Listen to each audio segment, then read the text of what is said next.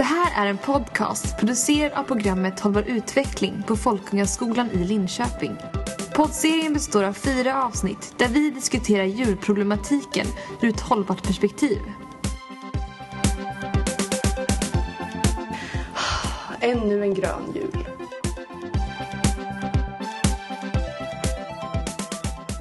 Hej! Detta är det fjärde och sista avsnittet av Ännu en grön jul. I detta poddavsnitt kommer vi prata om traditioner och värderingar kring julen och hur de påverkar oss som individer. Varför är det så viktigt att hela huset är städat och pyntat till julafton? Vi kommer diskutera stressen och ångesten som uppkommer kring jul hos många människor. Är den verkligen nödvändig? Kan det finnas något bättre sätt att fira jul? I det här avsnittet pratar jag, Lina, Ebba och Sabina.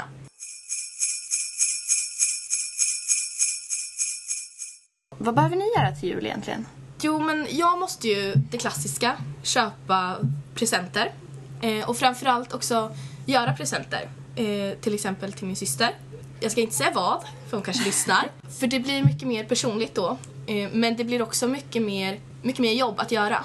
Eh, men köpa presenter till min familj och, och så. Ja, det kan verkligen vara jättemycket jobb att skaffa presenter, det känner jag verkligen igen.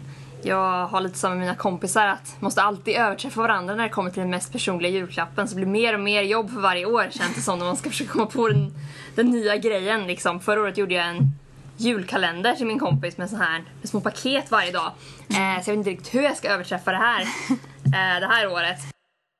Vi är också väldigt mycket så att det är mycket att fixa, det är mycket jag måste baka och olika små familjetraditioner som vi har att vi alltid till exempel eh, så bakar jag ett pepparkakshus som föreställer någonting. Till exempel förra året byggde jag en pepparkaksbuss. Eh, till exempel. Så det tar väldigt mycket tid och ansträngning att tänka på också. Men är det du som vill göra eller är det dina föräldrar som tycker att du borde göra? Jag tror det är väl, ja, det är ju definitivt jag själv från början. Men det blir väl lite så när man har gjort någonting en gång och det blev liksom en succé så vill man gärna göra det en, en gång till. Eh, för man får ju så mycket positiv respons av alla gäster som kommer och tänker åh vilket häftigt pepparkakshus du har och sådär. Eh, jag tror det är mycket det, det är liksom lite såhär, man blir positivt triggad på något sätt att fortsätta med det. Mm, precis. Ja, jag är inte li riktigt lika kreativ kanske. Jag lägger inte ner så mycket tid på mina presenter. Eh, men vi har ju andra familjetraditioner, typ som adventskalender när vi brukar köpa presenter. Så har vi gjort en egen som vi brukar sätta dem i små luckor och så. Eh, vi brukar även gå ut och hugga gran ihop och pynta huset och plocka upp alla tomtar och sätta dem vid vedspisen. Och mm. storstädningen är ju en klassiker. Ja gud, storstädning, det måste jag verkligen göra nu känner jag. Ja, Mitt rum är som mina föräldrar skulle säga ett bombnedslag. Eh, och man måste ju ha det man måste ju ha städat innan man kan sätta upp alla tomtar. Mm. Och i helgen så måste jag sätta upp alla tomtar för annars kommer jag inte få den här julkänslan jag faktiskt vill ha. Så den här helgen så är det bara städa, rensa och så. Och det är lite jobbigt men det funkar nog är vi är en sån familj som har extremt mycket tomtar som måste upp varje år så det tar jättelång tid att få undan allting så att alla de här tomtarna kan eh, komma upp. det blir bara mer tomtartjänster för varje jul. Vi har också väldigt, väldigt mycket tomtar. Eh, min mamma har börjat dra ner lite på det men eh, det är inte nära nog. Ehm, men vi har också den här traditionen att i november någon gång innan då så plockar vi upp alla tomtar, ställer dem på vårt vardagsrumsbord som är ganska stort. Eh, och så kollar vi så att alla tomtar är okej, okay, eller vad man nu ska säga. Mm. Och mest bara för att, för att i november redan då få lite julkänsla. Mm. Så tar vi upp dem och sen så sorterar vi dem. De här ska upp då, de här ska upp då. Eh, och sen så ställer vi tillbaka alla igen.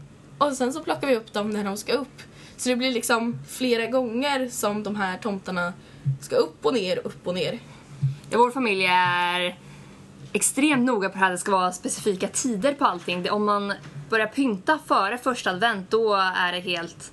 Ja, det är inte så att tänka sig att vi ska göra något sånt här. Vi pyntar alltid granen, eller vi ställer in granen från eh, uteplatsen den 23 såklart. Sen pyntar den på kvällen och så ska vara klart till julafton. Det är väldigt så här. Blir någonting för tidigt eller för sent så känns det som att det är förstört verkligen. Eh, jag gör likadant själv när jag bakar till exempel att det är ungefär den 22 så bakar jag pepparkakshuset och så har jag mina jättejobbiga mandelmusslor som är en sån här familjetradition. Det är en sorts kaka som är i en konstig form. Som tar flera timmar att baka men ändå så gör jag det. Det låter lite jobbigt. Ja, jo det är jobbigt men det är fint också att man kan man kan tänka på det som var förr på något sätt. Eh, även fast jag mest just då tänker på att åh vad jobbigt det är och att varenda liten kaka ska gå sönder i de här omöjliga formerna. Men ja, Det känns som att du är väldigt aktiv i julstökandet och bakandet i din familj. ja, jag vet inte. Jo, det är väl. Min familj är inte direkt någon fixarfamilj så att någon får dra lasset när det kommer till själva bakningen. Det blir Men ja, min mamma gör ganska mycket också. Ja. En sak jag tycker blir lite jobbigt till jul, vilket man inte tänker på när man pratar om saker som man har att göra till jul, det är att skriva en önskelista. Jag kan tycka det är jättejobbigt. För då ska man sitta där och de bara, ja, men vad önskar du dig då? Och ska man sitta och fundera, okej, önskar jag mig det här eller låtsas jag bara att jag önskar mig det här? Vill jag verkligen ha det här? Kommer jag använda det här? Eh, och det blir jättekonstigt för då ger man samma önskelista till alla också. Och då så kan det bli så här att folk köper samma. Ja, man Det får blir- så här, dela upp det så man säger en sak till sina kusiner och en sak till sin familj och så får det så här, Ja, försöka få in så. så. mycket som möjligt av det man har jag har inte alls det problemet. Jag har väldigt liten släkt som vi är, som jag ger julklappar till. Så att jag kör en eh, önskelista men som i princip är som en inköpslista för mina föräldrar följer den slaviskt och köper i princip alltid allt på eh, önskelistan slash inköpslistan hur man säger. Så det brukar bara bli, jag tänker några, någon månad innan kanske, hmm, behöver jag det här? Så ja, troligen. Om jag inte har strumpor till exempel, då önskar jag mig strumpor eller om jag vill ha något, någon speciell bok eller film eller någonting så önskar jag mig det. Så att jag har inte så mycket eh, ångest över just önskelistan. Jag är mer lite så att när folk faktiskt önskar sig grejer, då jag inte vill köpa det. För jag vill ha något så unikt och överraskande Ja. som möjligt. Så det blir Precis. ja, lite konstigt det där. Gud, jag håller med. Det man vill ha en önskelista för att få ett hum om vad de önskar sig. Men sen när man väl får den, då vill man inte köpa någonting egentligen på den där listan. För att det känns så tråkigt och trist och okreativt. Eh, Vilket är väldigt tråkigt, för det kan ju vara så att man verkligen, verkligen vill ha det man skriver på önskelistan. Sen kan det ju vara så att man har glömt skriva någonting eller att man har någonting speciellt som man inte har tänkt på att önska sig. Man önskar sig kanske inte ett fotoalbum eller vad det nu är på det sättet med bilder i och sådär.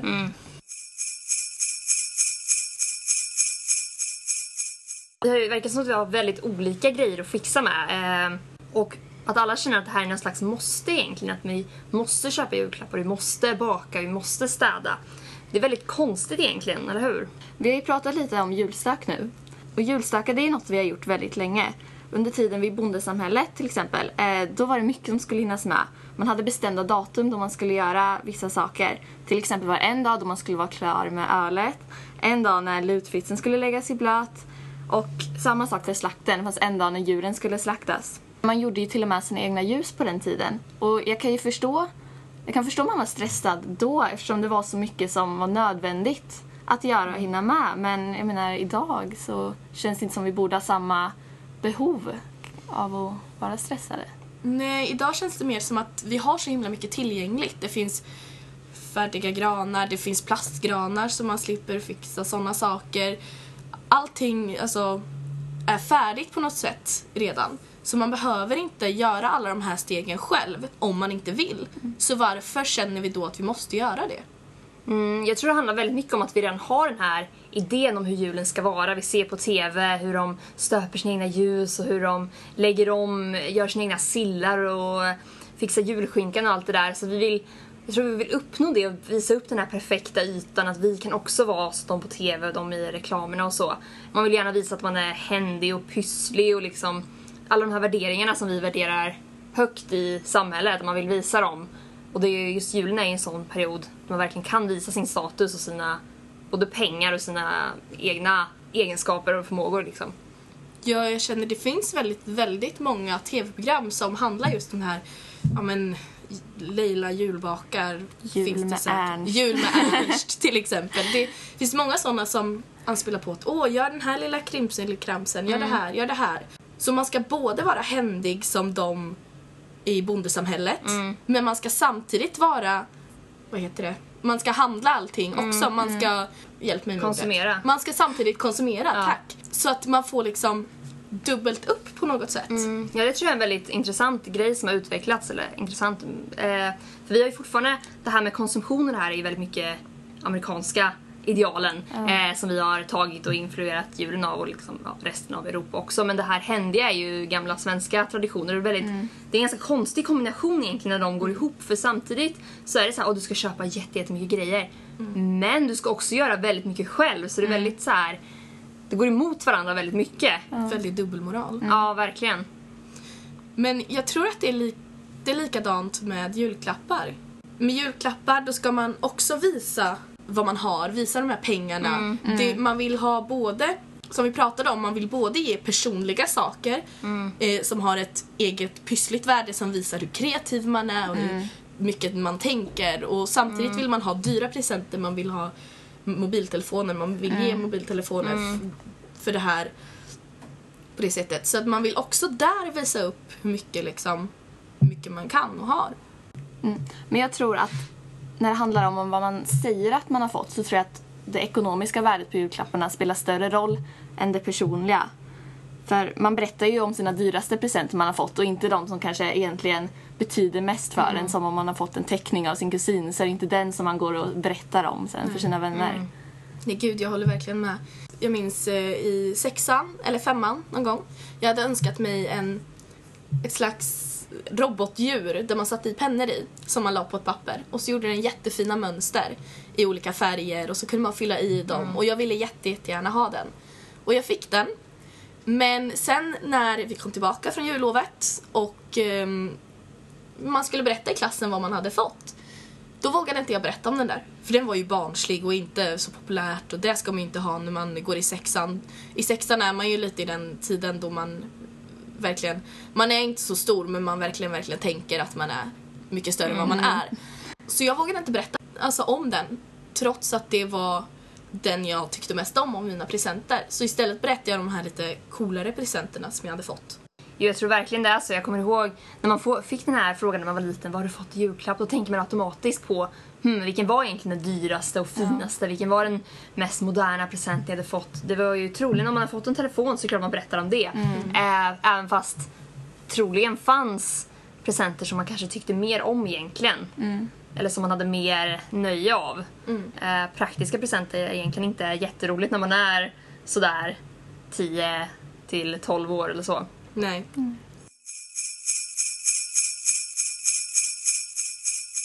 När man hör hur vi pratar så verkar det verkligen som att julen är någon slags stressmoment och det är det faktiskt rent statistiskt också. Det var Svenska kyrkan gjorde en undersökning för ett par år sedan, jag tror det var runt 2012, eh, där de intervjuade folk vad de, hur de upplevde julen och det var faktiskt, resultaten är ganska chockerande om man har den här idén om att julen är den här mysiga, perfekta tiden eh, och så. Till exempel så hade 15% glömt vad de har fått i julklapp förra året. 27% ansåg att de var stressade av att köpa julklappar och 29% såg inte fram emot att fira jul det här året. Eller ja, 2012. Och det är ganska chockerande siffror kan man tycka. Ja, 29 procent är nästan, nästan en tredjedel av alla. Ja, det, det känns ju väldigt kontroversiella siffror att det är så många som tycker så. När man vet att alla egentligen, eller vet att alla egentligen, men att det känns som att alla tänker att okej, en fröjdefull jul som man kan säga och att det ska vara lugn och ro och så.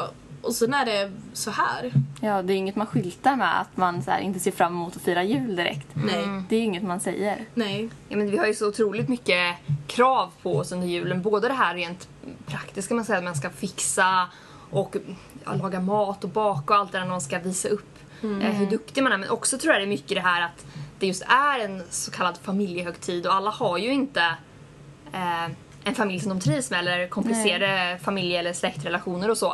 Eh, och det tror jag kan vara jättejobbigt. Eller att man inte har någon alls att fira jul med så eh, kan man känna sig väldigt utanför i samhället. Ja, Ja.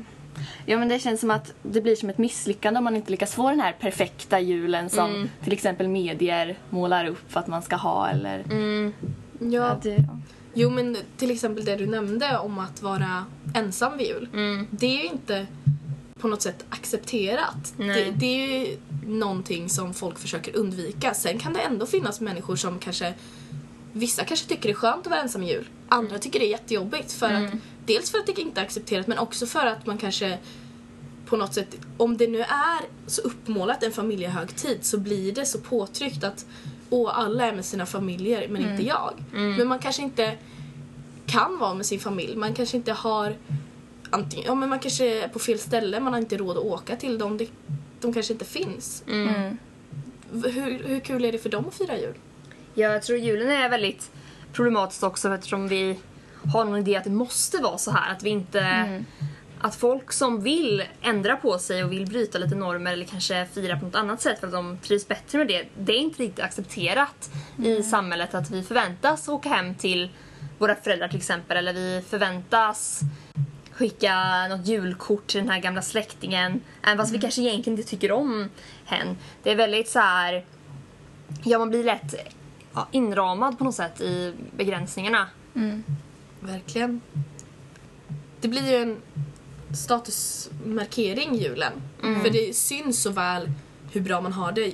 Jag vet att firar man i släkt och den ena delen av släkten kanske har mycket pengar medan den andra delen av släkten kanske inte har lika mycket pengar. Det syns så tydligt. Okej, de där kusinerna får jätte, jättemycket presenter. De där kusinerna får jättelite presenter. Varför måste det vara så att det måste vara storlek och så som påverkar? Det är ju... Ja, jag, jag, för- jag förstår inte. Det blir, det blir konstigt. Ja. Och På tal om statusmarkering. Vi pratade ju om det här att man skulle... Det finns en slags ideal att man ska göra egna hemmagjorda saker, typ stoppa korv och så. Och det känns som att det, det visar ju att man har mycket tid. Att... Och tid är ju pengar. Ja, men det känns som att tid är väldigt... Det ger hög status i vårt samhälle. Jag tänker med träningen till exempel. Har man tid att träna mycket då ger det en viss status. Det känns som att om man har tid att stoppa korven, att städa huset, att sätta upp alla tomtar och fixa det perfekta julmyshuset så, så ger det också mycket status. Ja, verkligen. Ja, men det är verkligen det. Folk som har ekonomisk möjlighet har ju också, eller ekonomisk, eh, Välstånd. ekonomiskt välstånd och tillgångar har ju också möjlighet att ta ledigt. Ja. Eh, vilket man inte kanske har om man har ett eh, låglönat jobb till exempel. Eh, så jag tror verkligen det har med det att göra. Och så också lite det här att man har tid att lära sig någonting, att man kan anstränga sig för att se, se bra ut eller göra något bra eller producera något bra eller någonting sånt. Ja, det finns ju många som behöver jobba på julafton. Och om de har familj så blir det också en sån här grej att ja men eh, ska du fira med familjen? Nej, min mamma jobbar. Ja. Eller, eller något liknande. Det, och det är inte riktigt helt okej. Jag tror det mycket handlar om normer i samhället. Att det finns, som vi var inne på flera gånger, att det finns en viss norm över hur man ska fira jul. Och Vissa saker är okej, andra saker är inte okej. Vissa saker är mer liksom hög status, andra är lägre status. Och passar man inte in i det, då så spricker det lite. Till exempel, det kan ju vara det här med att man får presenter eller julklappar och sen kommer tillbaks till skolan. Har man inte, umgås man med de som har mycket mer välstånd i familjen och sen kommer och inte kan säga att man har fått en ny mobil och andra, alla andra har fått det. Då passar man ju inte riktigt in och det kan ju vara Nej. jättejobbigt, speciellt för barn. Mm. Det tror jag verkligen. Jag tänker också att julen är en väldigt, kan vara jobbig eh, tradition eller ja, så, eh, period på året också eftersom man påminns om så mycket gammalt. Särskilt om man har kanske en släkt, antingen där många är döda eller där många bråkar till exempel. Så kan det vara väldigt jobbigt att man tvingas på något sätt in i den här situationen som man kanske inte är bekväm i. Eh, för många är ju släkten verkligen de sista man vill umgås med Ja. eh, på grund av olika anledningar. Så att det är, jag tror det är väldigt jobbigt för många påminnas om det varje år just runt julen. Ja, men också det här att, som vi pratade om förut, att många kanske dock vill umgås med, min, med sin släkt, men att det inte funkar. Jag såg en reklam, eh, eller en kampanj, eller så. Jag vet inte vart den var ifrån. Ehm, men där var det en tjej. Man fick se hur hon la upp en Snapchat My Story eh, på åh det är julafton, vad roligt. Och man fick se hur hon spelade spel med sina föräldrar och man fick se hur hon la upp bild på deras tre tofflor eh, på Instagram. Och sen så fick man se hur hon får ett sms där det står eh, jag kommer sent eller någonting sånt. Det finns mat i frysen. Och hur hon sitter där med sin selfiestick och låtsas ta alla de här bilderna. De här tofflorna, hon har på sig sina tofflor. Men de andra tofflorna har ingen ägare för att hennes föräldrar inte är där. Den var, budskapet var att ingen ska behöva vara ensam i jul. Och då kan det ju vara så att även om man kanske inte vill umgås med släkten så kanske man kan umgås med någon annan. Och det man tänker på att det är så här som många har det som man blir lite irriterad på sig själv och sin familj. För att jag som har möjligheten att umgås med min familj, till exempel att vi stressar runt med så mycket annat, att det är den här städningen som blir det viktigaste, att huset ska vara fint och att man inte tar tillvara på tiden och verkligen umgås med varandra. Ja, man börjar ju fundera på vad som folk faktiskt tycker är det viktigaste. Är det det här att fixa alla julklappar i tid och pynta huset fint eller är det något annat? Vi frågade några människor på stan. Vad tycker du är viktigt inför julen? Ja, det är traditioner och sen att eh, vara tillsammans med de man tycker om, nära och kära. Det är att vi får träffas hela familjen och eh, ha kul tillsammans. Det är ju den goda maten och sen är det tomtarna förstås. Och barnbarnen. Det viktigaste är att hinna njuta. Att ja, men, hinna ha glöggkväll med kompisar och ja, men, hinna gå på stan och kolla julklappar och sånt. Gemenskapen Gemenskap. i familjen. Det är nog eh, gemenskapen, att, att man träffas som sagt.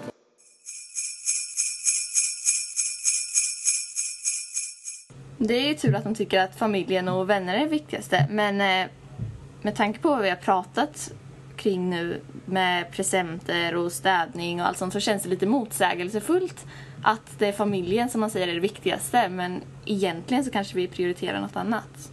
Ja, vi har ju pratat mycket om människors hälsa i det här programmet. Men i de tidigare poddavsnitten har de ju också pratat mycket om jordens hälsa. Och jag tänker, när du säger att det är motsägelsefullt, att det kan finnas en alternativ jul som faktiskt kan vara bra både för våran hälsa och för jordens hälsa. Och att det finns lite olika saker att göra. Ehm, vad skulle ni göra om ni får hjälpa både er egen hälsa och jordens hälsa? Jag tror verkligen att vi kommer kunna se mycket mer vegetariskt på julbordet än vad vi har just nu. Vi har ju en lång tradition av att ha mycket kött på julbordet. Eh, som vi hörde i ett tidigare poddavsnitt. Men eh, det är ju inte särskilt bra varken för planeten eller för vår egen hälsa. Eh, som mycket forskning nu på senaste tiden tagit upp. Så jag tror verkligen att vi kommer se ett annorlunda julbord. Också kanske influenser från andra länder och inte bara det här traditionella som vi alltid haft. Ja men det kan jag också tänka mig att man, man försöker förnya lite för det är också det här att det börjar bli lite mer modernt. Man kommer ju in med nya saker på julbordet. Ä- Även om det går väldigt, väldigt sakta så kommer det in lite nya saker och lutfisken och dopp i grytan och så här kanske försvinner lite. Ehm, men eh, jag känner också att i den alternativa julen så tror jag det är viktigt att faktiskt inte tänka på pengavärdet vid presenter. Och inte behöva tänka på presenter så himla mycket överhuvudtaget. Ehm, för jag hörde i inslaget, när vi intervjuade, så var det ju en, en dam som sa att Nej, vi, eh, jag är inte stressad inför julen för att, eh, eller julklapparna sa hon, för att eh, vi har bestämt att vi ska ge alla pengar till välgörenhet istället. Och det är ju någonting jättefint man kan göra. Mm, precis. Nej, men om jag fick välja en sak som jag skulle göra, då skulle det verkligen vara, som du säger, att tagga ner med julklapparna och inte stressa runt så mycket om det. För att vi hörde ju när vi pratade om de här procentsatserna tidigare att folk kommer knappt ihåg vem som gav dem vad i julklapp och det verkar inte vara det som är det viktiga. Och vi vet att planeten inte mår bra av det heller, av, av vårt av vår konsumtionshets som vi har nu, vårt köpmönster. Utan i år så ska jag försöka mer ja, men kanske handla lite second hand, se om jag hittar något som jag tycker passar till ja, något personligt liksom. Som Ja. kanske har ett mer personligt värde istället och bara försöka slappna av. Jag tänker också att vi måste sprida den här julkänslan, eller man ska kalla den, till resten av året. Vi har ju väldigt den här tanken om att oh, det är jul, vi ska vara extra snälla. Men varför behöver vi bara vara snälla mot varandra på julen egentligen? Varför inte ha någon spontan present när man någon behöver någonting lite Mm. då och då. Ge någon en ask choklad till exempel när de känner sig lite nere till exempel. Det känns, eller ja, skänka pengar till välgörenhet även en vanlig dag. Jo men verkligen att all liksom all snällhet samlas på ett, en tid av året känns Mm. väldigt konstigt. Men jag kan också tänka mig att man kan se en alternativ jul eh, där man kanske tar vara på sakerna man dels får eller har eller så. Att man, man kanske kan ta någonting hemifrån, eh, någonting begagnat. Att allting inte behöver vara splitternytt. Nej. Eh, att man använder saker igen. Man kanske lär sig göra mer saker på resterna man får av julbordet till exempel.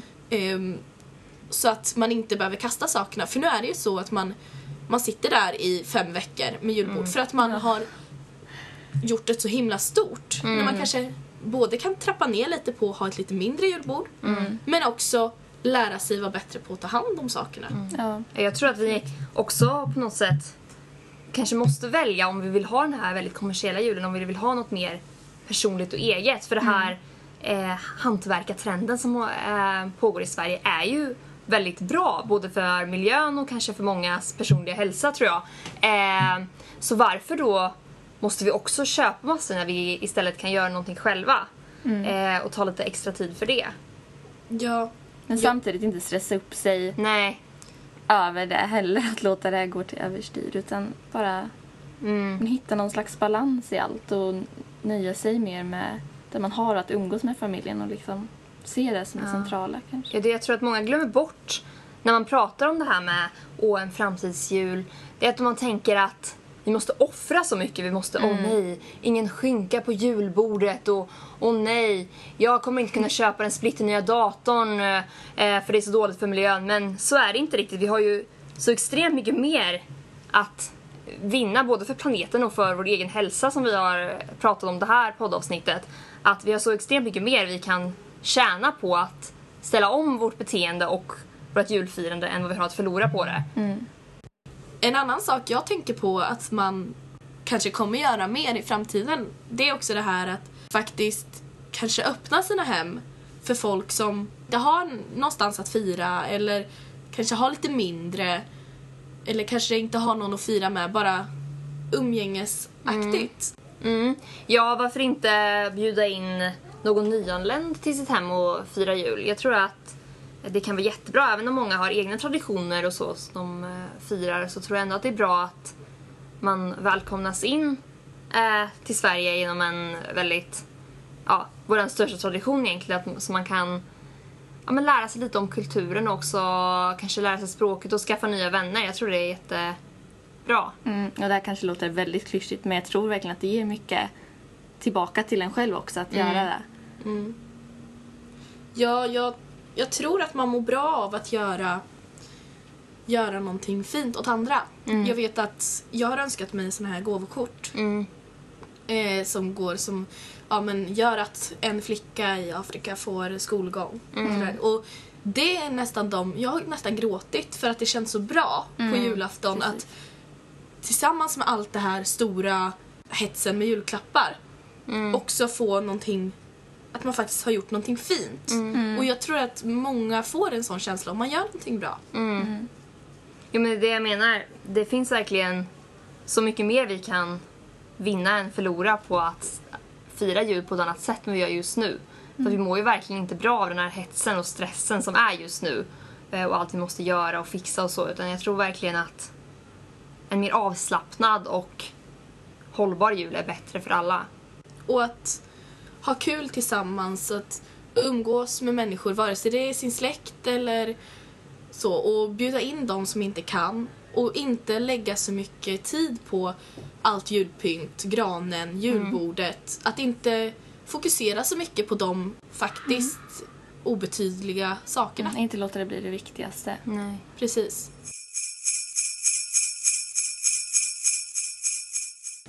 Ja, vi har ju lärt oss under den här poddserien att varken vi själva, vi människor, eller planeten mår bra av den julen. Den här kommersiella julen som har uppkommit. Och de flesta anser ju faktiskt att det viktigaste med julen är att vara tillsammans. Så jag tror att det är dags för en ny jul. En jul som planeten klarar av utan farliga utsläpp, giftiga ämnen eller övergödda sjöar. En jul där inga människor behöver producera hälsofarliga produkter med dåliga arbetsvillkor eller låga löner. Och en jul där ingen mer behöver må dåligt eller vara ensam. Det är dags för en ny jul. En ny grön jul.